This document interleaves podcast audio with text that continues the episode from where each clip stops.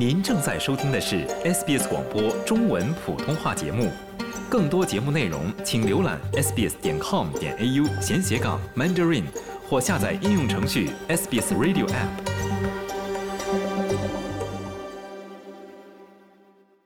巴勒斯坦总理穆罕默德·施塔耶向巴勒斯坦权力机构主席马哈茂德·阿巴斯提出辞呈。巴勒斯坦权力机构统治着被占领的约旦河西岸部分地区。施塔耶表示，自己辞职的原因是在该地区不断升级的暴力冲突和加沙战争。他说：“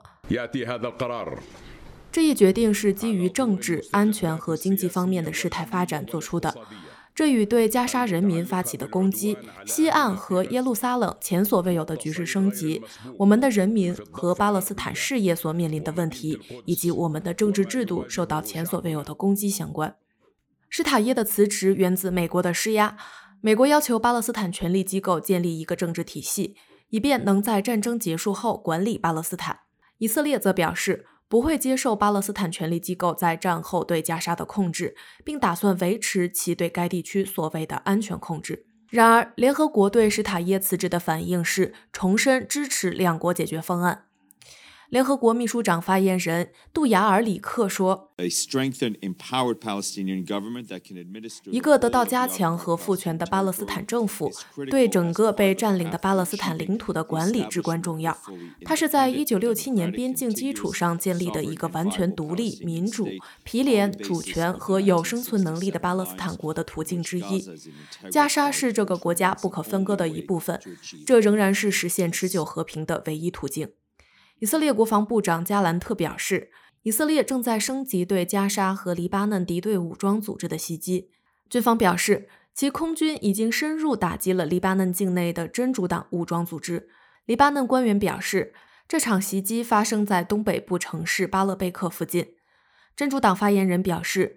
至少有两名真主党成员已在袭击中丧生。这次靠近巴勒贝克的袭击是自一月对贝鲁特进行空袭，导致哈马斯高级官员萨赫利阿鲁里丧生以来，对黎巴嫩最深入的袭击。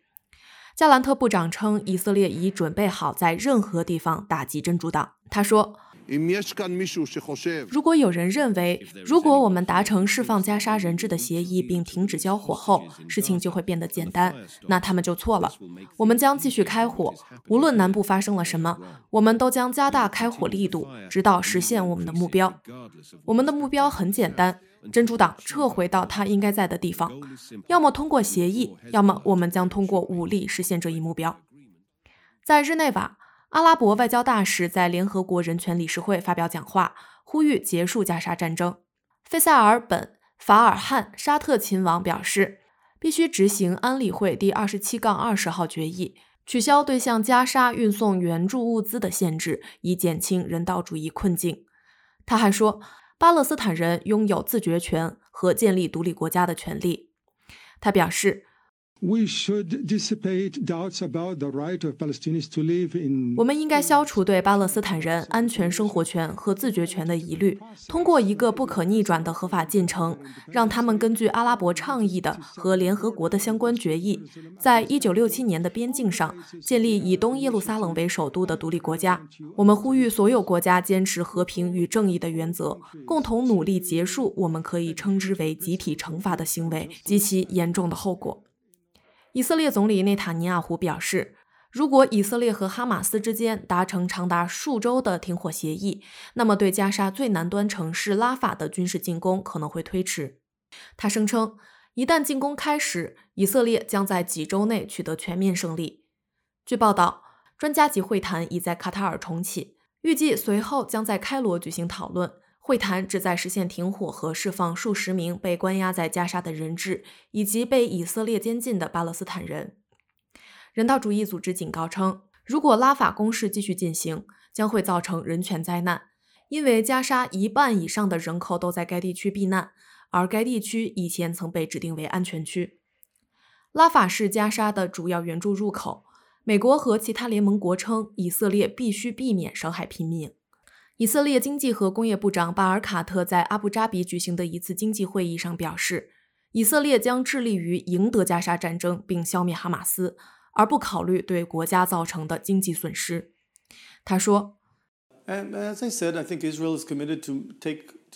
正如我所说，我认为以色列致力于采取一切措施推倒每一块石头，弄清楚我们是否能救回人质。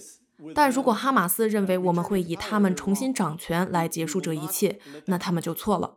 我们不会让这种事情发生。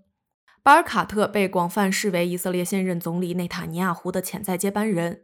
他明确表示，国家安全不仅至关重要，而且对以色列的经济也至关重要。与此同时，联合国最高法院就以色列自1967年以来占领巴勒斯坦领土的合法性问题进行了最后一天的辩论。国际法院听取了土耳其和阿拉伯联盟关于这一历史问题的陈述，而以色列没有出席听证会。但以色列去年提交了一份书面意见，质疑法院提出的问题带有偏见，忽视了以色列保护本国公民的权利和义务。土耳其外交副部长耶尔德兹说：“占领和两国解决方案的失败是该地区和平的真正障碍。”他表示：“十月七日之后不断发展的局势再次证明，如果不解决巴以冲突的根本矛盾。”那么该地区就无法实现真正的和平。巴以的冲突并非始于2023年10月7日，这场冲突与巴勒斯坦的某个派别或团体无关，冲突可以追溯到更早的世纪。海牙的十五位国际法官最终将根据国民大会在2022年提出的请求，提供不具约束力的咨询意见。想听到更多这样的故事吗？您可以通过苹果播客、谷歌播客、Spotify，或者您喜爱的方式下载收听。